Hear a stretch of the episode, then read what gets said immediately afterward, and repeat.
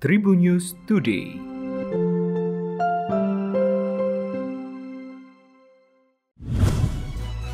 Halo Tribuners, berjumpa kembali bersama saya Delta Gonzales dalam Tribun News Podcast. Mari kita awali informasi terkini hari ini dari Nasional. Politisi Partai Gerindra Fadlizon menilai nama Nusantara untuk Ibu Kota Negara atau IKN kurang cocok. Dia pun mengusulkan nama baru untuk menggantikan kata Nusantara.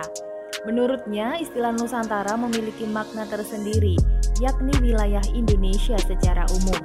Sebelumnya, Presiden Joko Widodo menyetujui nama ibu kota negara baru Indonesia, yakni Nusantara itu. Hal itu diungkapkan Menteri Perencanaan Pembangunan Nasional atau Bappenas Suharso Monoarfa dalam rapat panitia kerja atau Panja RUU Ibu Kota Negara pada Senin 17 Januari lalu. Awalnya Suharso menjelaskan, awalnya nama ibu kota baru Indonesia belum diisi dalam surat presiden atau surpres. Namun pihaknya menahan nama itu karena belum mendapat persetujuan kepala negara.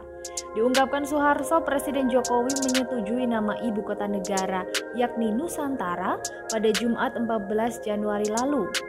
Lebih lanjut, Soeharto menjelaskan alasan dipilih nama Nusantara menjadi nama ibu kota negara baru adalah karena nama Nusantara sudah dikenal sejak dahulu dan mudah menggambarkan Republik Indonesia.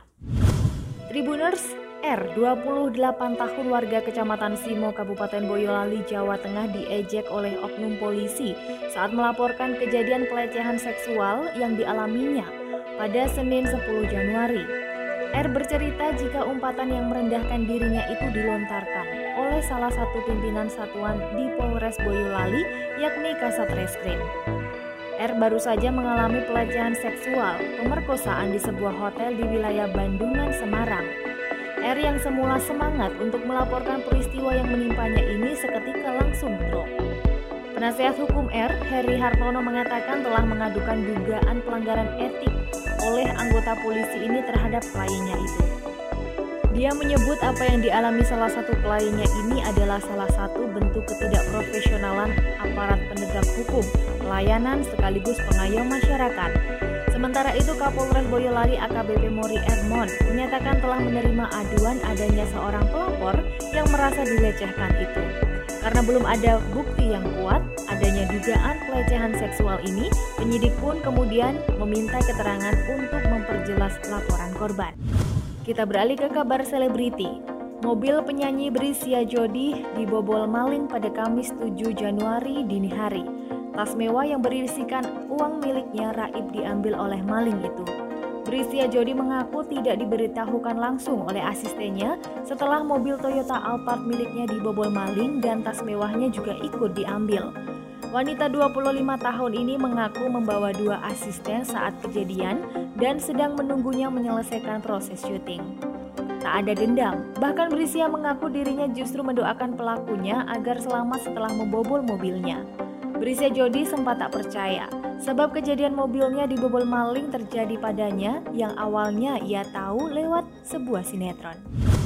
Senada dengan Brisia Jody, pemain Liga 1 Indonesia Beto Goncalves diduga menjadi korban aksi kriminal jalanan di wilayah Kuta Kabupaten Badung, Bali saat tengah berkeliling menggunakan sepeda motor.